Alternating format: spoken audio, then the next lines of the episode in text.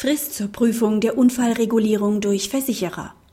Bei durchschnittlichen Verkehrsunfällen ist dem Haftpflichtversicherer im Regelfall eine vier- bis sechswöchige Prüfungsfrist zuzubilligen.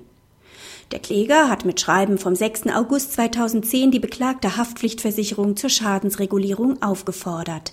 In einem weiteren Schreiben vom 19. August 2010 ist die Reparaturrechnung vom 16. August 2010 bei der Beklagten eingereicht worden. Am 15. September 2010 ist die Klage eingereicht worden. Im Verfahren vor dem Landgericht wurde ein Vergleich geschlossen, wobei das Gericht nach 91a ZPO über die Kosten entscheiden sollte. Das Landgericht hat darauf die Kosten des Rechtsstreits dem Kläger vollständig auferlegt.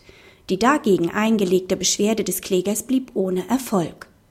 Das Oberlandesgericht bestätigt die Kostenentscheidung und Begründung des Landgerichts, wonach für die Beklagte die Prüfungsfrist von vier bis sechs Wochen bei der Klageerhebung noch nicht abgelaufen war. Die Beklagte hat daher keine Veranlassung zur Klage gegeben. Praxishinweis. Die Rechtsprechung zu der dem Haftpflichtversicherer zuzubilligenden Prüffrist ist unterschiedlich. Der zeitliche Rahmen von vier bis sechs Wochen wird häufig vertreten, so auch das Oberlandesgericht Rostock, das Oberlandesgericht Dresden und das Oberlandesgericht Saarbrücken. Das Oberlandesgericht München billigt maximal eine Frist von vier Wochen zu. Es verweist hierbei auf den technischen Fortschritt. Ebenfalls unterschiedlich beantwortet wird die Frage, inwieweit eine Einsicht in die Ermittlungsakte Einfluss auf die Dauer der Prüffrist hat.